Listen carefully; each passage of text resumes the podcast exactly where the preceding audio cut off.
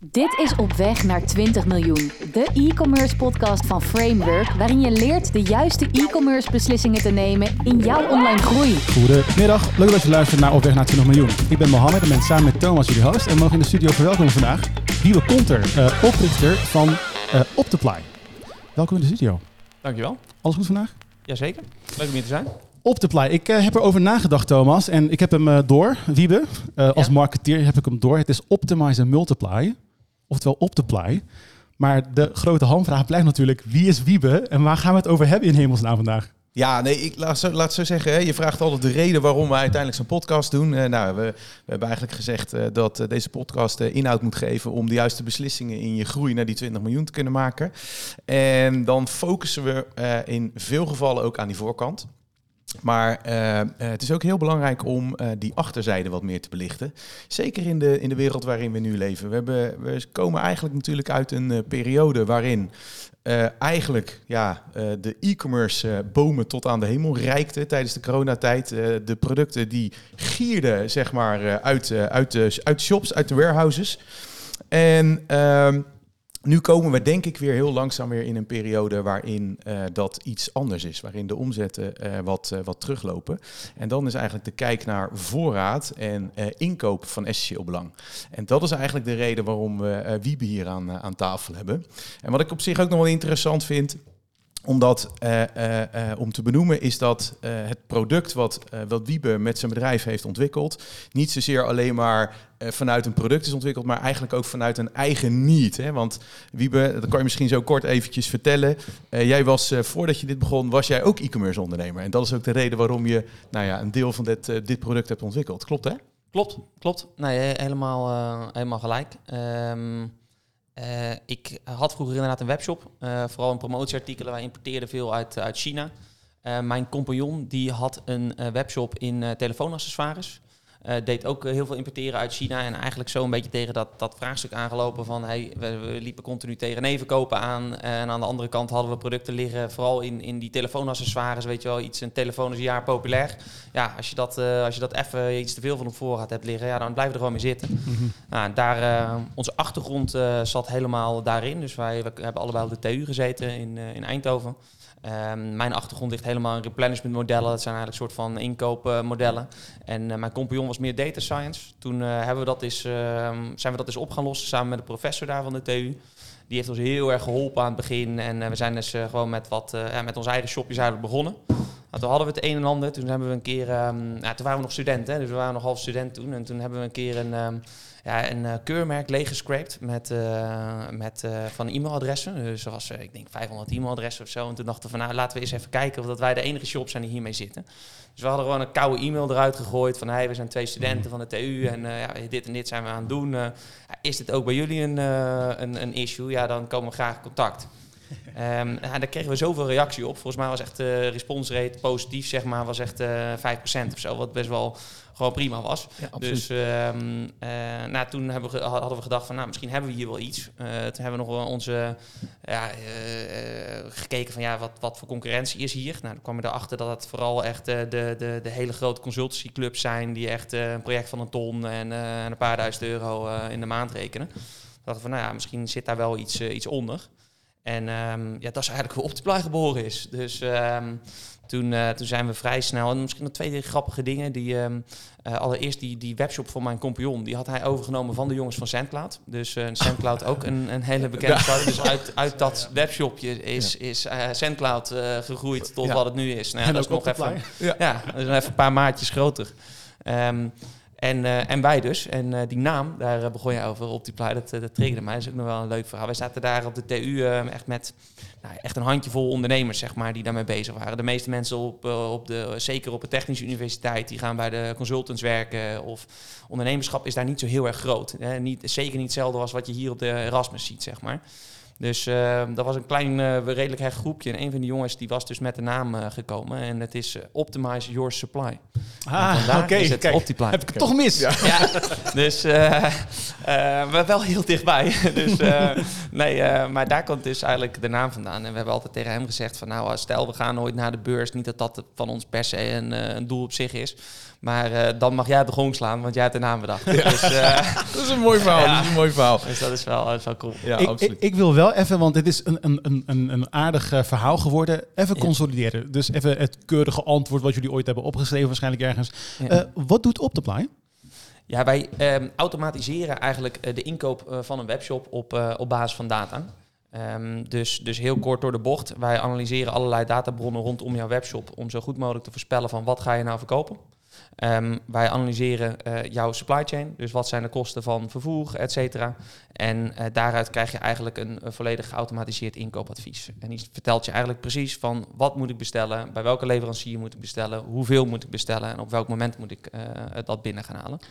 En dat zorgt er uiteindelijk voor dat je een, eh, dat je een stukje kan automatiseren. 80% van de inkooporderregels, daar hoeft eigenlijk een mens niet meer naar te kijken. 20% daar kan je juist op focussen.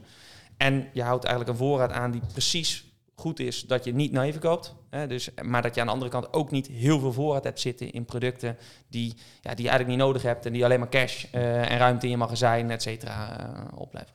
Hey, en als je dan kijkt naar, uh, naar inkopen, hè, dan zie ik me zo voor me dat er nu een aantal luisteraars zijn die zeggen van joh, maar dat heb ik helemaal prima onder controle. Ik heb mijn Excel-sheetjes, ik weet precies hoe de markt in elkaar zit. Waarom zeg jij van nou oké, denk eens na over inkoopsoftware. Even los dan van Optiply. Maar waarom moet iemand bezig zijn met inkoopsoftware in jouw ogen? Ja, kijk, een, een Excelletje uh, volstaat uh, vrij prima, zeg maar, als jij eens een keer een, uh, een paar honderd producten hebt en je hebt eens een keer wat verkopen hier en daar, maar op een gegeven moment worden dingen natuurlijk heel complex. Je hebt een marketingteam die gaat bepaalde marketingacties uitvoeren. Um, je hebt een e-commerce omgeving die mega dynamisch is, hè, dus je gaat eens op een platform verkopen, je opent een nieuw land. Um, aan de andere kant hebben we gezien dat die supply chain natuurlijk één grote bende is op momenten, dus, dus levertijden die extreem oplopen, leveranciers die helemaal geen voorraad hebben. Al dat soort problemen zijn allemaal van invloed eigenlijk op, jou, op jouw inkoopbeslissing. En als jij niet een systeem hebt die eigenlijk real-time op die data zit, hè, dus, dus eigenlijk continu ziet van hey, hier heb je een positie op Google gewonnen, uh, die vraag gaat daar omhoog. Als je daar nu niet op handelt, dan zit je volgende week zonder voorraad.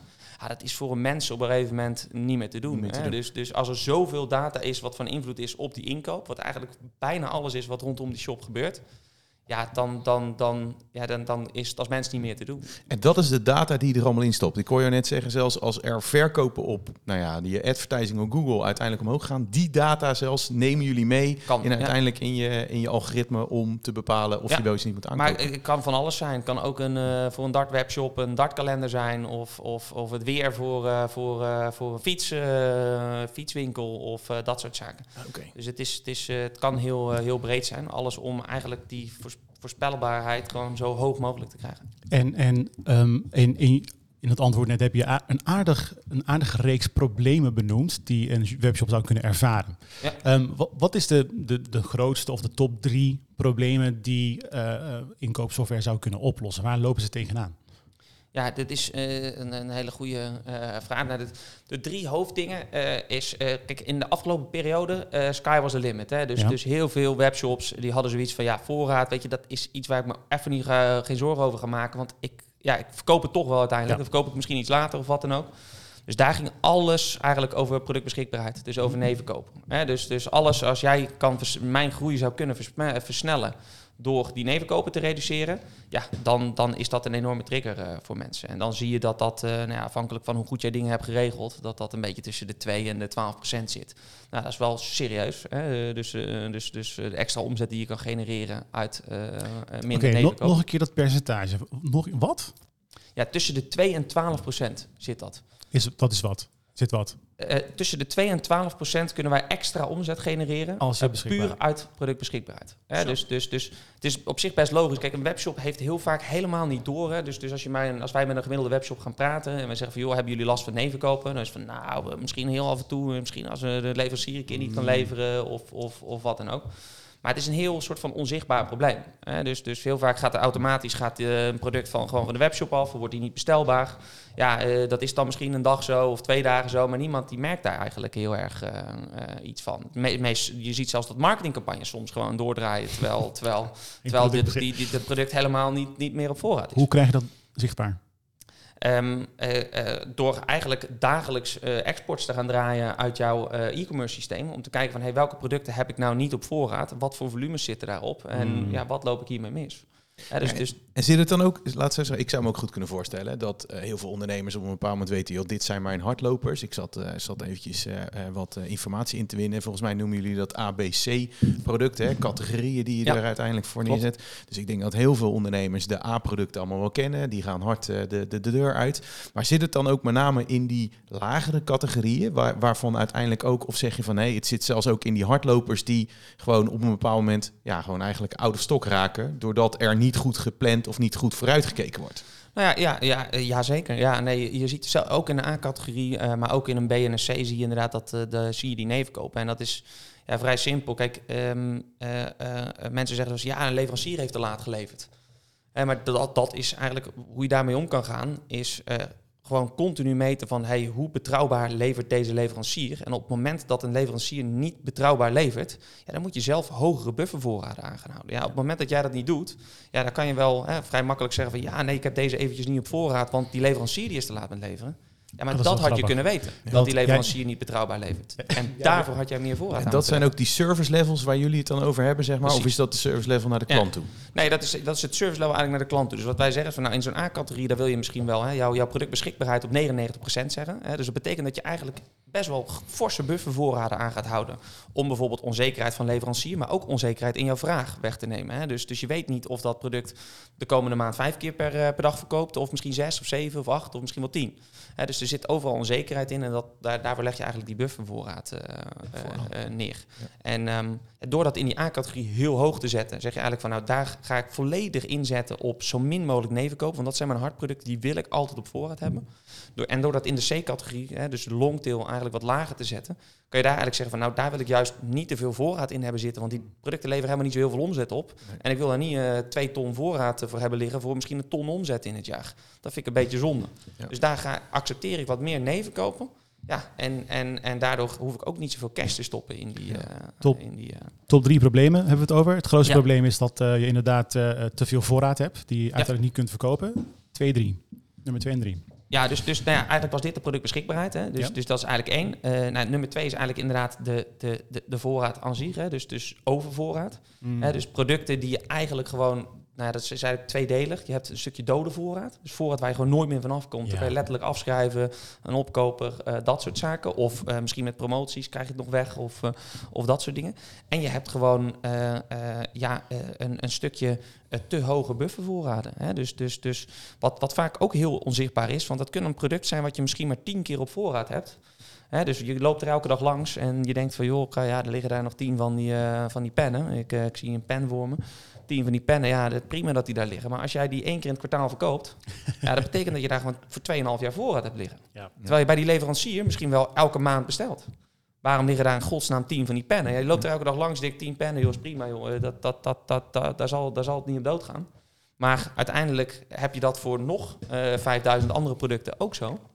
Ja, dan, dan, dan is het eh, eh, vijf, eh, 5000 keer eh 2,5 jaar voorraad ergens van neerleggen. Terwijl je maandelijks bestelt ergens. Ja, dat is natuurlijk eigenlijk van de zot. Het klinkt, klinkt als echt een enorme no-brainer. Als ik Ja, jou zo hoor praten, denk je, ja, die drie problemen. Kijk, wij zitten hier met een, nou, een, diensten, een dienstenmodel. We hebben uren, dus met andere woorden, weet je, wij hebben niks op de voorraad op de plank liggen. Nee. En ehm, wat is denk ik, wat is voor jou misschien de reden waarom bepaalde ondernemers daar dan toch niet naar kijken? Of onvoldoende naar kijken? Nou, misschien, weet je, ik wil even tussendoor, want ik wil dezelfde vraag eigenlijk aan jou stellen, Thomas. Want ja, hij heeft het gezien en hij heeft er een oplossing voor bedacht. Jij zit al, eh, wat, eh 15 jaar e-commerce. Ja. Heb jij dit gezien? Heb je dit gemerkt? Of in hoeverre ben jij eh, op de hoogte van dat dit probleem speelt en wat vind jij ervan? Nou, kijk, la- laat zo zeggen, hè, zijn wij daarvan op de hoogte? Ehm, kijk, wij kennen de ontwikkelingen uiteraard, maar Uh, als je kijkt naar het bureaumodel zoals wij zijn, en heel veel agencies natuurlijk, richten we ons eigenlijk altijd op de voorkant. Ja. Dus wij zorgen eigenlijk gewoon maar, joh, zorgen dat er zoveel mogelijk stroom, conversie zoals wij mooi noemen, richting, de, richting die, die ondernemer gaat. En ja, uiteindelijk zijn wij wat minder bezig met in hoeverre jij een product op voorraad hebt. En daarom vind ik het wel heel erg interessant, want het klinkt namelijk, ja, wat ik al zeg, het klinkt als een no-brainer, no maar tegelijkertijd hoor je dus wel dat daar dus een bepaalde problematiek ligt, waarvan je bijna zou zeggen, daar kan je geld mee verdienen. Daar begon ik net natuurlijk ook mee, hè, want het feit dat wij met z'n allen maar bezig zijn in uh, het genereren van omzet. Uiteindelijk ligt er ook een heel groot deel van je, nou ja, je rendement ook gewoon in het product wat je in je warehouse hebt liggen. En op het moment dat je dat slim aanpakt, ja, dan, dan ga je dus nog op twee fronten ga je geld verdienen. En dat vind ik zojuist zo interessant aan dit, dit concept. Aan in ieder geval het nadenken over hoe goed ga je met je voorraad om. Ja, wat het, wat het geinig is, is hij slaat wel echt de spijker op zijn kop. Kijk, het inkoop wordt altijd gezien echt als cost center. Dus het wordt altijd gezien van, ja, nee, ja, goed, dat, dat is een beetje hetzelfde als accountancy, weet je wel. Ja, dat hebben wij ook met onze bedrijven, weet je wel. Ja, die accountant, ja, dat moet ook gebeuren, weet je wel. Maar niemand vindt het leuk om met die administratie bezig te zijn. Het kost alleen maar geld en moeite en tijd. En ja, het hoort er ook bij. Maar zo wordt er ook een beetje naar inkoop gekeken, weet je wel. Ja, shit, zo, ja, we hebben dat inkoop. En uh, ja, nee, ja, goed, uh, laat het maar proberen zo goed mogelijk te doen en we zien het wel. Maar niemand realiseert doordat je door echt goed in te kopen echt serieus omzet kan creëren. En dat proberen wij ook voor, voor zijn inkoper en, en, en, en voor zijn eigenaar uiteindelijk heel erg inzichtelijk te maken. Dat je, ja, dat je ook echt daadwerkelijk geld kan verdienen door uh, heel slim in te kopen. Ja. En um, ja, uh, nogmaals, kijk, als alles groeit, dan, dan is het even wat.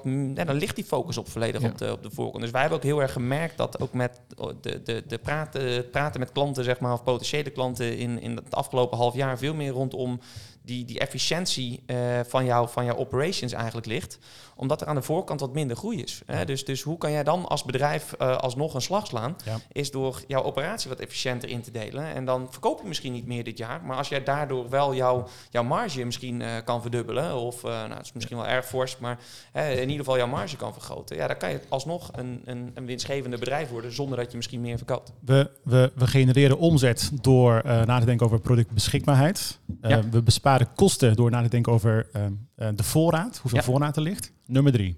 Um, uh, tijd. Hè, en dit is eigenlijk, denk ik, dat, dat 90% van de mensen die inbouwd bij ons, ons aankomen, is tijdsgerelateerd. Dus die andere twee dingen, dat, dat, dat is zo onzichtbaar. Daar zijn ze vaak niet eens. Er zijn meer bijkomendheden dat ze denken van, oh ja, dat is wel echt mooi. Ja, ja, ja. Maar op een gegeven moment gaat het gewoon zoveel tijd kosten. Hè? Dus dat Excelletje um, over 10.000 producten in een omgeving die continu verandert. Hè? Dus we hebben natuurlijk aan het begin COVID gehad. Nou, wereld op zijn kop, e-commerce daar. Uh, toen uh, kwamen die containerprijzen. Nou, supply chain één grote ramp. Weet je wel, oké, okay, hoe uh, producten die niet beschikbaar zijn. Ik koop alles maar wat ik kan zien en vinden, weet je wel. Dus, dus nou, dan kreeg je natuurlijk die, die energieprijzen en de grondstoffen die enorm omhoog gingen. Nou, de, die oorlog er nog overheen, nu die inflatie. Dus het is, het is, zo enorm veranderlijk de afgelopen paar jaar.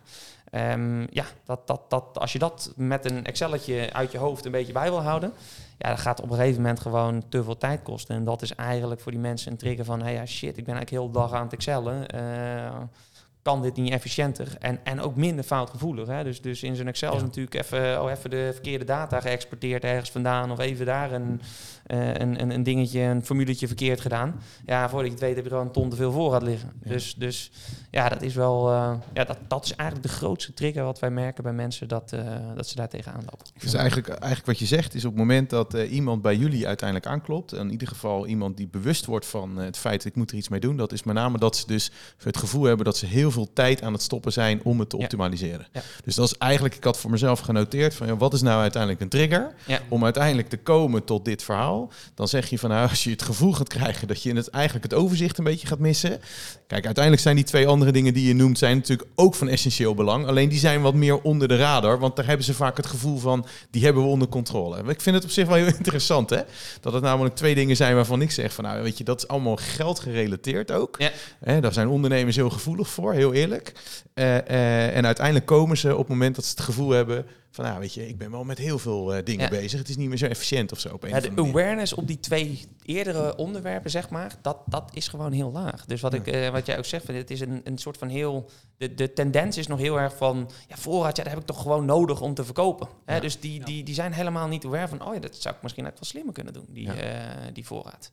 En zeker niet als jij echt een, een beetje een kleine MKB'er bent. Kijk, Nee. de, de, onze gemiddelde klant die zit, ja, die zit eh, met, een, met een paar miljoen omzet, zeg maar. Weet je wel? Dus, dus, dus eigenlijk wat jullie doen hier, van 0 naar 20 miljoen, ja, dat is voor ons precies eh, de spot eh, waar we in zitten. Ja, niet nul dan. eh, dus, dus zeg van 500.000 tot 20 miljoen.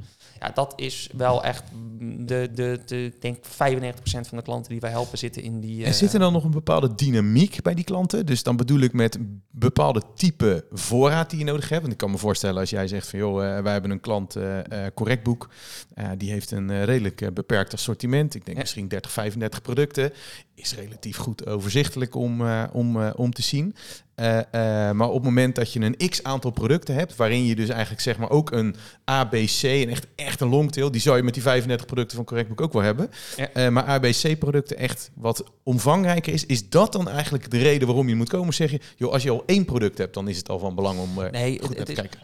het- nee, het is wel, kijk, zeg maar, ik zou zeggen vanaf, eh, als je echt vraagt van wat is onze ideale klant, minimaal een paar honderd producten en eh, eigenlijk minimaal eh, zeg, eh, in ieder geval eh 50 eh ordertjes per dag, zeg maar. Dat, dat En is waarom is, dat ideaal? Waarom speelt dan het probleem meer dan Nou, dan moet je voorstellen dat je vrij veel producten hebt waar bijna dagelijks wel iets van omloopsnelheid in zit. Ja, dan, dan is er zoveel dynamiek. Kijk, als jij één product hebt en jij verkoopt het één keer per dag. Ja, dat is een vrij, vrij ja, dat kunnen er een keer twee worden, maar dat, dat, dat is het, zeg maar. De andere kant van het verhaal zien wij ook wel een aantal klanten, zeg maar, die ehm, heel erg aan de andere kant van het spectrum zitten. Dus die zitten veel meer in een omgeving waar je eigenlijk maar een heel klein assortiment hebt. Dus, dus enkele tientallen producten, maar vaak met eh, hele lange supply chains. Hè, dus dus hebben soms zelfs een stukje assembly of, eh, of een stukje productie. Ja, die moeten gewoon zorgen dat dat allemaal op tijd overal is. Ja, dus de afhankelijkheid van leveranciers, zeg Ja. maar, in jouw proces, die Ja, zou dus ook ver beetje... ga je vooruit kijken? Hè? Ja. Dus, dus, dus kijk, het is natuurlijk vrij makkelijk om vandaag te bepalen wat we morgen gaan verkopen. Maar het is wat moeilijker om vandaag te bepalen wat we over drie maanden gaan verkopen. Ja, juist. Ehm, en als je dat een stukje accurater doet, ja, dan, dan kan je daar gewoon, gewoon winnen. En zeker als dat hele grote volumes zijn, ja, dan, dan is een paar procent accurater. Kijk, als je dan een laag volume hebt, dan komt het eigenlijk niet uit. Zeg Nee. maar. maar als jij eh, een tiental producten hebt en je hebt wel misschien wel een duizend plus orderregels per dag, ja, als je dan dingen net even een paar procent beter doet, ja, dan, dan nou, 1% op een omzet van, eh, van 10 miljoen, ja, eh, dat is een ton. Ja. Dus ja, dat, dat, dat tikt wel aan als je dat een 1% beter Ja. doet. ja. zeker, zeker. We we hebben het gehad over wat voor de hand liggende zaken. Ehm, nou, dus beschikbaarheid en, en nou, ga zo maar door. Wat ik ook hoorde in jouw verhaal net, is dat je ook inspeelt op de onzekerheid van leveranciers. Ja. Ik dacht van, hè, maar dat hou ik niet bij in mijn Excel. Hoe onzeker het is Nee. dat deze leverancier op tijd bezorgt. Kun je eens ons meenemen in wat voor slimmigheden er allemaal zeg maar, in de markt zijn? Jullie tool, maar misschien ook andere zaken die spelen. Ja. eh, in het kader van het optimaliseren van je, van je voorraadbeheer en inkomen. Dat was bijvoorbeeld een goed voorbeeld.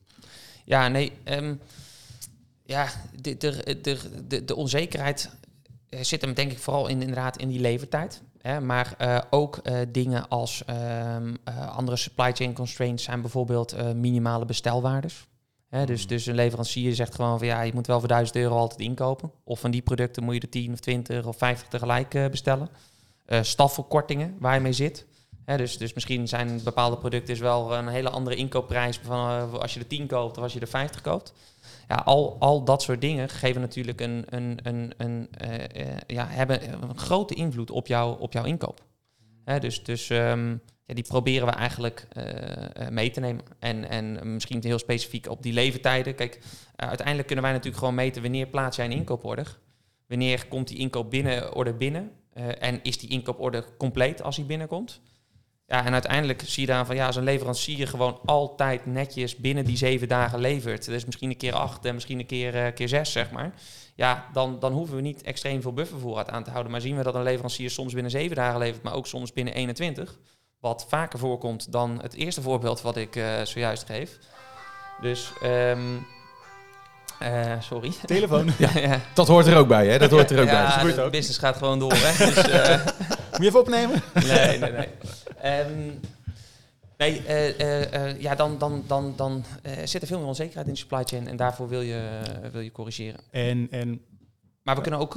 ja. Oh ja, ja nee, eh, maar, eh, ik wil er even inbreken. Wat ik op zich ook wel interessant vind, hè, want eh, eh, de tooling die je gebruikt, hè, we hadden het net over Excel, de tooling die, eh, die jullie hebben ontwikkeld eh, zit bomvol met, eh, met AI, dus artificial intelligence, eh, computers die gaan nadenken over hoe gaan we dit nou slim aan, eh, aanpakken. Ik zat een, een case op jullie website te lezen van travel bags en eh, ik vond hem erg interessant, want ook daarin stond een klein beetje onzekerheid. Dat ze zeiden van toen we begonnen moesten we wel een beetje vertrouwen krijgen, zeg maar. Vertrouwen krijgen in de software. In die zin dat je je goed kan voorstellen dat je, nou ja, weet je, eh, we hebben het net over de mens die dus de inkoop doet. Die hebben het gevoel natuurlijk het beste te kunnen doen. En vervolgens ga je het overdragen aan een computer die ja, keuzes gaat maken voor jou. En uiteindelijk, nou ja, uiteindelijk komen de producten gewoon binnengerold. Zo zou het bijna moeten zijn. Eh, wat, wat, wat merk je daarvan in, in die zin dat ondernemers misschien wat terughoudend kunnen zijn in de feit van, joh, maar ja, het is leuk dat je daar allemaal algoritmes op laat, eh, loslaat. Maar eh, je noemde net al, eh, de, de container, eh, eh, ehm, eh, de, de route vanuit China naar, eh, naar Nederland heeft een lange tijd wel eh, redelijk eh, nou, gestagneerd. En we hebben onlangs nog een, een podcast gehad eh, van Brandpreventiewinkel. Nou, ik denk dat, dat ze daar nog steeds slapeloze nachten van hadden om die container hier naartoe te krijgen. Maar dat zijn ook weer zaken rondom, ja, laten we zeggen, bijna excessen. Hoe gaat zo'n zo'n zo'n algoritme daar nou mee om? Wat, wat voor ja, hoe, hoe, hoe sluit die nou eigenlijk die excessen uit? Dat je niet het gevoel hebt van, nou, weet je, die levertijd loopt op.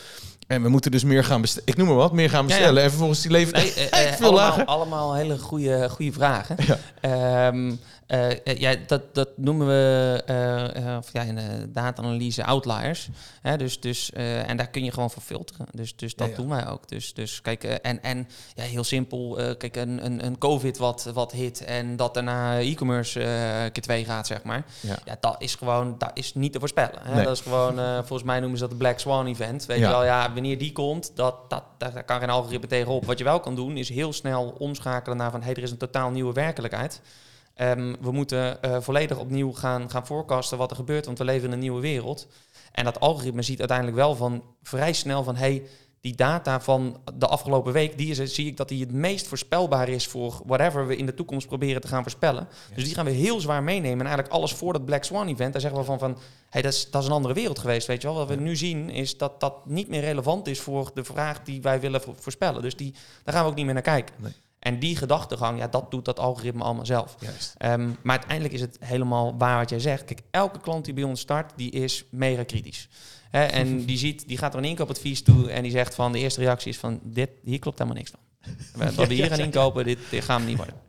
En Ehm, hoe lang duurt dat traject? Want ik kan me voorstellen dat jullie dan ook zeggen, nou, weet je, neem even een maand, twee maanden. Blijf, blijf gewoon zelf heel goed eh, bekijken. Ik zag inderdaad dat in de case ook stond dat ze heel nauwgezet met jullie als, als organisatie bleven sparren en bleven vragen van, joh, weet je, hoe moet ik deze data interpreteren? Hoe gaan we hiermee aan de slag? Dus met andere woorden, Ja. jullie geven daar een stuk ondersteuning op. Hoe lang duurt zoiets dan vanaf het moment dat je start?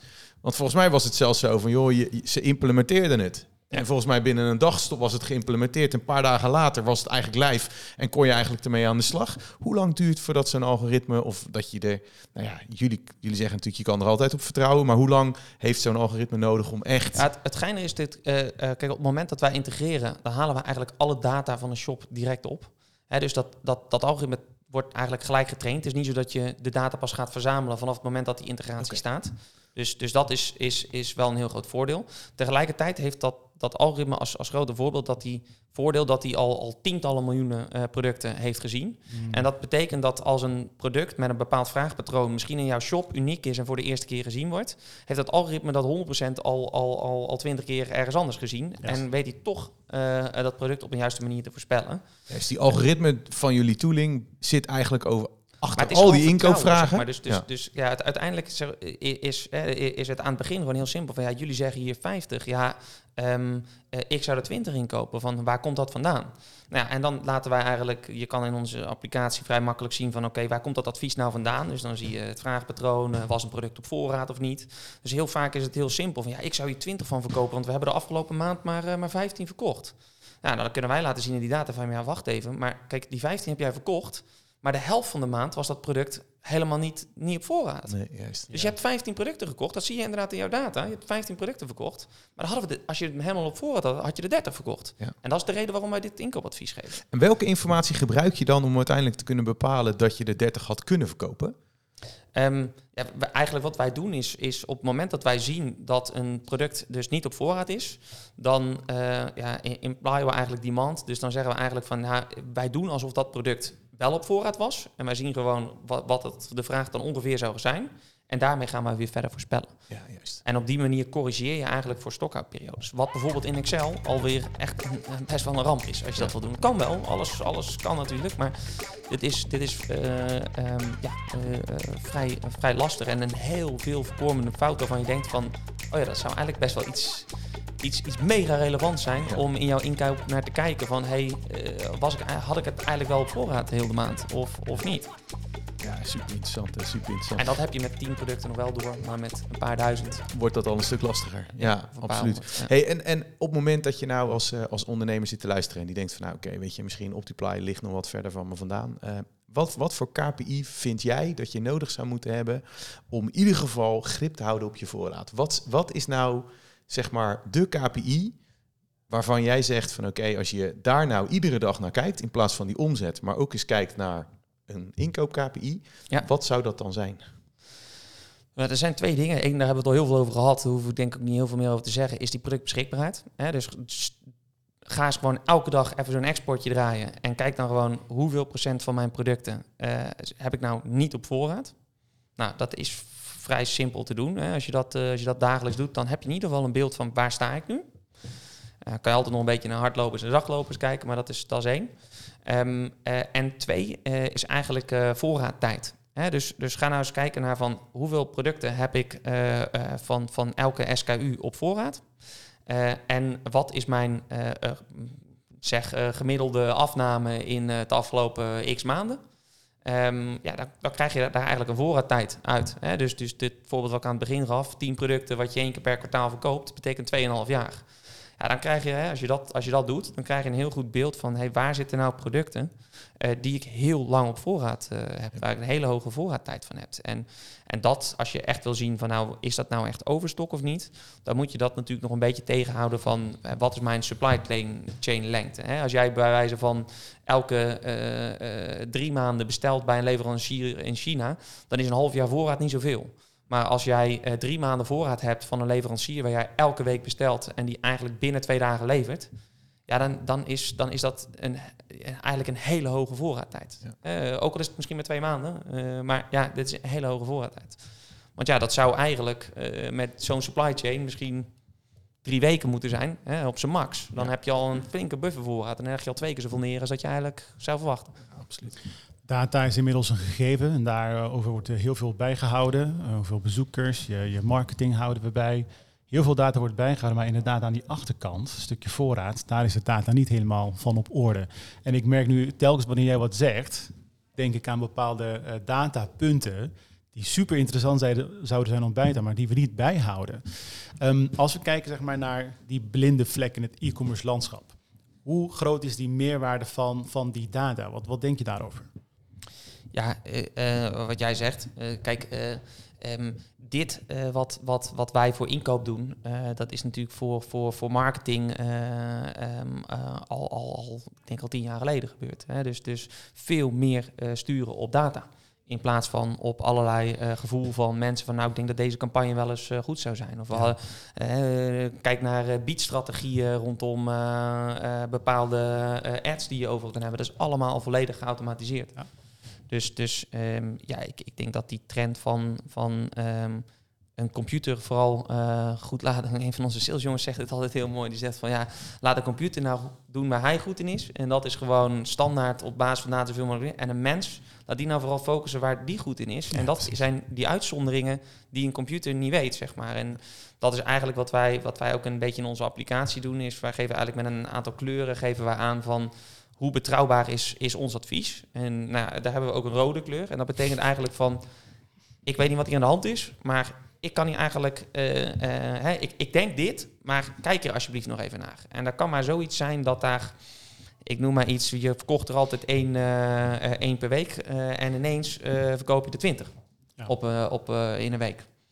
Dan zegt hij van ja, ik weet niet waar dit vandaan komt, maar je verkocht er altijd eentje per week en ineens verkoop je er twintig per week. Nou, misschien is dat wel een concurrent die, eh, die uit voorraad is. Of hè, dat is typisch iets waar die mens in kan duiken van hé, hey, wat, wat is hier gebeurd? Ja, dus geef je ook nog aanvullende inzichten, zeg maar. Hè? Dus de tooling geeft ook aanvullende inzichten om gewoon eens even in je landschap verder te kijken van, joh, maar waar komt dit soort dingen dan ook vandaan? Ja, nou ja, en, en dat is ook uiteindelijk ook. Kijk, er zijn altijd uitzonderingen die dat algoritme niet weet. En het enige wat wij daarmee kunnen doen is die eigenlijk flaggen. En zorgen dat, ja, dat die mens heel erg kan focussen op die uitzondering. En dat die computer heel erg kan focussen op alles wat ja, eigenlijk gewoon standaard lekker doorloopt. Ja. Ja. dus, dus dat is, is, is. En op die manier ja, creëer je eigenlijk het, het, denken wij dan, het ideale team om, om zo'n inkoopjob eigenlijk eh, te doen. Je bent echt complementair wat dat betreft aan elkaar. We kunnen ook niet zonder eh, een mens die, eh, die die uitzonderingen doet. En ik denk dat dat met marketing niet anders is. Je hebt altijd nog die, jongen die uiteindelijk die campagnes eh, bekijkt en zo slim mogelijk probeert in te richten.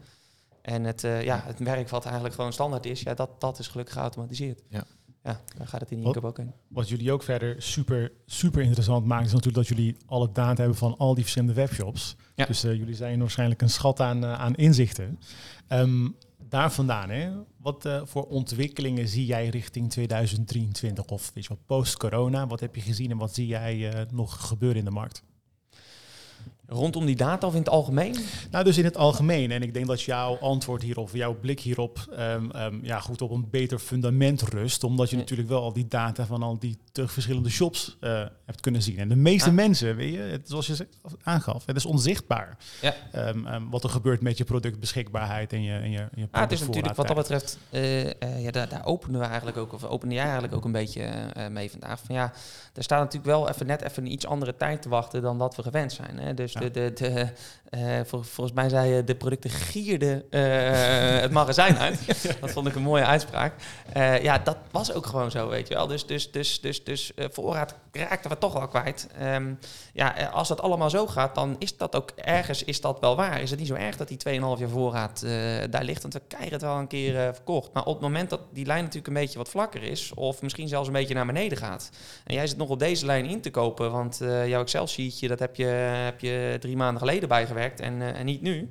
Ja, dan heb je heel snel een heel groot probleem. En vooral eh, met je cashflow. Hè? Dus, dus gewoon, eh, ja, ik ben, ben volle bak voorraad aan het inkopen, maar mijn omzet is eigenlijk stiekem net even een beetje, Ja. een beetje wat minder. Ja. Ja. dan raken problemen gewoon heel, of, eh, raken bedrijven gewoon vrij snel in de problemen. Dus, dus ehm, als je niet eh, in, in, in goede tijden kan iedereen groeien en kan iedereen een, een, een, eh, een bedrijf hebben, maar als het even wat minder gaat, ja, dan moet je echt wel heel kritisch eh, op, op dit soort dingen zijn, omdat je anders gewoon, ja, kan je gewoon in de problemen komen. Dus, dus, dus wat dat betreft is ja, mijn advies dat, dat is, is vooral van ja, zorg dat je heel goed naar die voorraad kijkt en dat je heel scherp hierop bent. Te zorgen dat je, ja, dat je niet eh, uiteindelijk eh, je cashflow er negatief wordt. Want is dat uiteindelijk ook een reden waarom partijen bij jullie aankloppen? Als je praat over cashflow, eh, ik kan me dat juist ook heel goed voorstellen. Ja, zeker nu. Hè. Dus, dus, dus eh, waar het vroeger alleen maar om die productbeschikbaarheid gaat. Hè. Dus Ja. dat was echt de enige pitch, was gewoon help mij gewoon zo nog harder groeien. Nou, dat hebben we een aantal jaren gedaan. Merk je nu inderdaad dat de vraag is van, hey, ik merk dat het wat afvlakt. Ehm, eh, ik heb hier een miljoen voorraad liggen. Eh, ja, kunnen we daar iets mee? Hè? En als wij kunnen zeggen van, nou ja, daar kunnen wij over het algemeen eh, drie ton, zeg maar, kunnen we daar wel uit, eh, uithalen. En dat is gewoon cashflow wat je vrij kan spelen Ja. om, om, hè, om, om toch nog een beetje te groeien. Of eh, misschien wel om een gat te dichten in, in, in het komend jaar wat jij verwacht. eh, eh, of wat dan ook. Ja, dan merk je dat, dat, dat, dat, dat, het veel, dat de tendens veel meer die kant op, oplegt. Schiet me gelijk iets te binnen. Ik, ik, laat zo zeggen, we hebben het net over cashflow. Ik kan me ook voorstellen, we hadden het net over dat eh, alles, nou ja, de warehouses uitgieren. De andere kant is dat er inkopers zijn misschien wel geweest zijn die zeggen van nou oké, stop die warehouses allemaal maar, maar vol. Dus nu gaat het iets minder. Wat kunnen jullie op dat moment voor ze betekenen? Want op een bepaald moment, kijk, kan ik me voorstellen dat een ondernemer komt en die zegt tegen het marketeer van ja, maar ik heb hier nog honderdduizend van die producten liggen. Zorg dat je, eh, dat, je dat onder de aandacht brengt. Ja. Eh, want uiteindelijk heb je het liggen. Eh, nou ja, maar wa- wat, wat, wat kan je doen op het moment dat iemand eigenlijk misschien wel met water aan zijn lippen bij jullie terechtkomt en zegt: Ja, ik heb mijn hele warehouse vol staan en Ja. w- wat nu? Kan je dan überhaupt nog iets? Of zeg je dan van ja, sorry, maar je moet eerst maar even zorgen. Hè? Wij kunnen nu wel vanaf nu de strategie beter gaan maken. Of Ja. kan je daar ook nog iets in betekenen? Nou, eh, kijk, die voorraadtijd waar ik het net in had, dat zijn bijvoorbeeld dingen die bij ons gewoon eh, eh, ja, standaard beschikbaar zijn. Eh, en die wordt zeker gebruikt om, om eh, marketing eh, bijvoorbeeld aan te sturen. Hè? Van hey, dit zijn producten waar ik allemaal overvoorraad zie.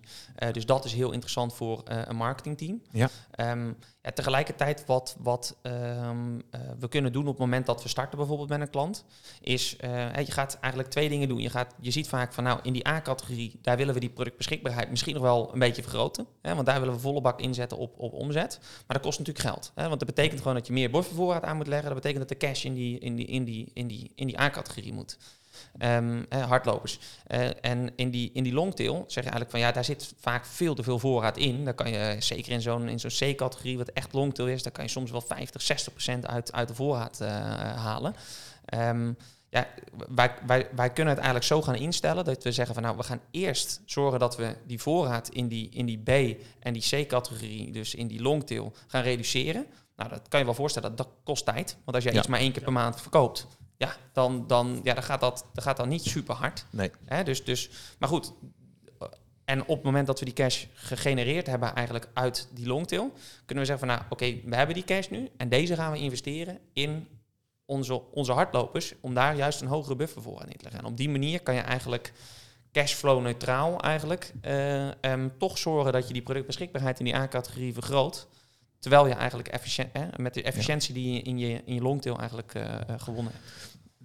Nog een vraag, ehm, waar wat door mijn hoofd schiet. Er zijn natuurlijk ook ondernemers die te maken hebben met bijvoorbeeld externe warehousing. Dus eh, ik Ja. noem wat Monta Packing, die, eh, die Ja. eh, bijvoorbeeld in e-commerce fulfillment relatief groot is. Eh, ehm, nou ja, eh, marketplacesbol.com, die natuurlijk Ja. ook zegt, joh, eh, eh, zet het maar bij mij eh, neer. Eh, op, op, op wat voor vlakken kan je daar ook in, in ondersteunen? Of zeg je van nee, die, die clubs hebben dat zelf allemaal al op orde? Of zeggen ze nee, jij moet die informatie nog ze- zeker naar hun aanleveren en zorgen dat jij de spullen daar eh, levert, in plaats van het feit dat je het in je eigen warehouse hebt staan. Zie je dat ook in jullie, in jullie klantenbestand? Dat partijen er zijn die dus eigenlijk externe warehousen gebruiken en fulfillment gebruiken en misschien ook wel vanuit daar inkopen? Ja, dat dat is, ja, ja, zeker. Ja, nee, dus, dus, dus kijk, die, die, die ehm fulfillmentpartijen, eh, eh, die nemen vaak wel heel het warehousing uit handen, maar niet een stukje inkoop. en voor de ondernemer is het vaak nog lastiger, eh, want eh, hè, als je je eigen warehouse hebt, dan loop je er nog elke dag langs en dan valt misschien wel een keer op dat die tien pennen er nog steeds liggen. Maar op het moment dat je voorraad ook nog extern ligt en je bent daar misschien één keer in de, in de maand eens om, eh, eens te kijken van hoe, staat het ervoor, ja, dan verlies je eigenlijk helemaal de touch eigenlijk met, met dat fysieke product. Dus dan is die data nog, nog belangrijker. En ja, we hebben eh, tientallen klanten, denk ik, bij, eh, bij een Montapacking bijvoorbeeld. Maar ehm, we hebben ook fulfillmentpartijen die rechtstreeks klant van ons zijn. Dus bijvoorbeeld een PostNL is met hun part is gewoon rechtstreeks klant van ons.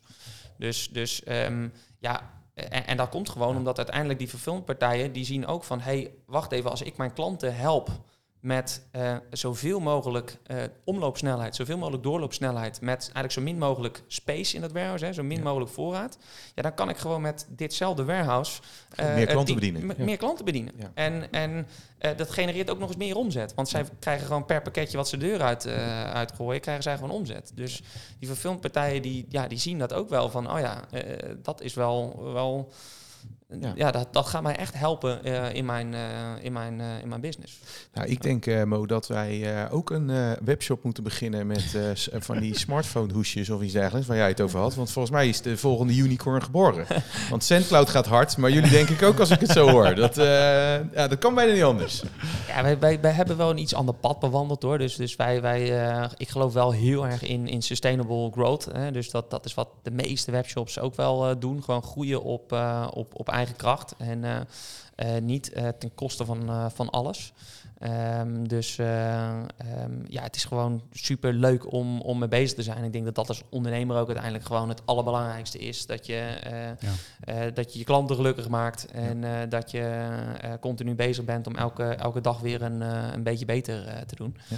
Dus ehm, Ja, wa- wat ik al zei, kijk, voor ons is het niet per se een, een, een doel op zich om de nieuwe unicorn eh, te worden. Ja, het is ja. gewoon vooral heel vet om, eh, om eh, eh, met z'n allen eh, eigenlijk te groeien. En dat is Ja. wat, je, wat je doet als, eh, eh, eh, ja, wat, wat elke ondernemer denk ik eh, probeert, eh, probeert te doen. Ja, heel mooi. Absoluut. Ja, ik, ik vind trouwens dan mm, toch wel leuk om even een moment te nemen. Hè? Ik bedoel, we zijn een Rotterdams bureau. We houden Ja. ervan als, er- als er leuke ondernemers of ondernemingen zijn die van Hollandse bodem komen. Cloud is er een van. Nou, inmiddels een stuk groter. Op de blij, 50 man nu. Hier opgericht. Eh, jullie zitten in Portugal ook, een 50 man team in Amsterdam. Eh, hoe lang zijn jullie nu bezig? We zijn, ehm, even kijken, mm, zes en een half jaar. Zes en een half jaar. Ja. En, en jullie grootste concurrent is Excel. Onze grootste concurrent is Excel, ja, dat zeggen Nee, we ik vind, altijd, ik vind het wel een mooi verhaal. Ja, Ja, Ja, en die inkoper. En die inkoper Ja, is ook een grote concurrent. Die Nou. denkt dat hij het zelf beter weet. Ja, precies. Ja, dat ja. Ja, ja het, het, het, het, eh, het geinige is juist dat een, eh, het, ja, een inkoper is denk ik zeker geen, geen concurrent. Kijk, dat, dat is uiteindelijk, we kunnen het nooit zonder een inkoper. Nee. Ja. Hè, dus dus, dus het, het allermooiste is dat die inkoper, kijk, niemand vindt het leuk om elke keer weer dat herhaalordertje van, van die tien stuks eh, weer de deur uit te gooien. En als jij als inkoper dat vooral iemand anders, hè, of in dit geval eh, eh, iets anders, eh, kan laten doen en zelf kan focussen op de mooie dingen van een inkoopvak. Dus eh, het onderhandelen met leveranciers, het uitbreiden van je assortiment, eh, eh, eh, zorgen dat die producten zo snel mogelijk geleverd worden, dat soort zaken. Ja, dan, dan maak je eigenlijk elkaars werk eh, eh, eh, mooier. Ja. Ja. Ja, dat is een mooi stukje denkvoer richting 2023. Echt, eh, nou goed. Hey, eh, een samenvatting. Daarmee Ja. ronden we het af. Eh, Thomas. Ja, ik, ik, heb, ik heb zoveel dingen gehoord. En, eh, eh, ik, ik heb geprobeerd om wat, wat, wat zaken eh, eh, te noteren voor mezelf. Ehm, de eerste die ik heb genoteerd, ehm, dat was, gaat eigenlijk over de drie problemen die, eh, eh, die we eigenlijk door middel van een stukje inkoopsoftware kunnen oplossen. Dat is enerzijds eh, omzet. Groei vergroten door uiteindelijk productbeschikbaarheid. Hè? Ja. Dus dat het uiteindelijk eh, dat een, een, een deel is van, eh, van een oplossing van een, van een probleem kosten verlagen door uiteindelijk eh, nou, de overvoorraad of je noemde zelfs te hoge buffervoorraden, zeg maar, om daarvoor te zorgen dat dat, dat beter in, in lijn is. En uiteindelijk de tijd vond ik ook een hele interessante. De twee eerste die ik Ja. noemde blijven onder de radar, de tijd. Dus op het moment dat de ondernemer denkt, waar ben ik eigenlijk allemaal mee bezig en ik heb het overzicht niet meer, ik heb zoveel tijd nodig voor inkoop, dan is het denk ik tijd voor, eh, eh, voor inkoopsoftware. En wat ik ook heel interessant vond eh, om te horen is dat eh, eh, eigenlijk inkoop wordt gezien als een, als een kostcenter. Terwijl als we nu zo luisteren en zo met elkaar in gesprek zijn, eh, er zoveel mooie elementen zijn waarvan je zou zeggen van daar moet je als ondernemer, als e-commerce ondernemer absoluut mee, mee bezig zijn. Nou, dat zijn eigenlijk de paar punten die ik er hier zo uit heb gehaald. Er is heel veel besproken, maar dat zijn de, de, in mijn ogen de, zeg maar, de vier belangrijkste elementjes die ik er even uit heb, uit heb gehaald. Ja, goede samenvatting, eh, Wiebe. Ja, hele goede samenvatting. Ja, dus ik denk het wel. En, en eh, het sluit ook gelijk bij jou. eh, ja, Excel is onze grootste, grootste concurrent. Het is, het is echt een. een eh, voor ons eh, is, is de struggle dus niet zoveel, eh, zozeer heel erg concurrentie, maar veel meer die awareness bij die ondernemer inderdaad. Dat, dat, dat die productbeschikbaarheid of, of die voorraadtijd, ja, vraag het eens aan een gemiddelde webshop. Ja, ik heb denk ik één keer meegemaakt in mijn hele carrière dat iemand tegen mij zei van ja, productbeschikbaarheid, daar, daar, dat weten wij wel ongeveer. Dat zit ongeveer op 92 procent. Eén keer in, in, in mijn hele 6,5 jaar tijd dat ik dit doe. Dus, dus ja, dat, dat, dat is eh, eigenlijk zou dat een van de hoofd eh, KPI's moeten zijn voor de operations van een, van een e-commerce shop. Ja. Dus eh, Bedankt eh, voor dit gesprek, Wiebe. ik vond het hartstikke leuk om er te zijn, Frank. Dit was Op weg naar 20 miljoen. De podcast die je helpt betere beslissingen te nemen in jouw online groei. Ga voor meer afleveringen naar je favoriete podcast-app. En vergeet je niet te abonneren.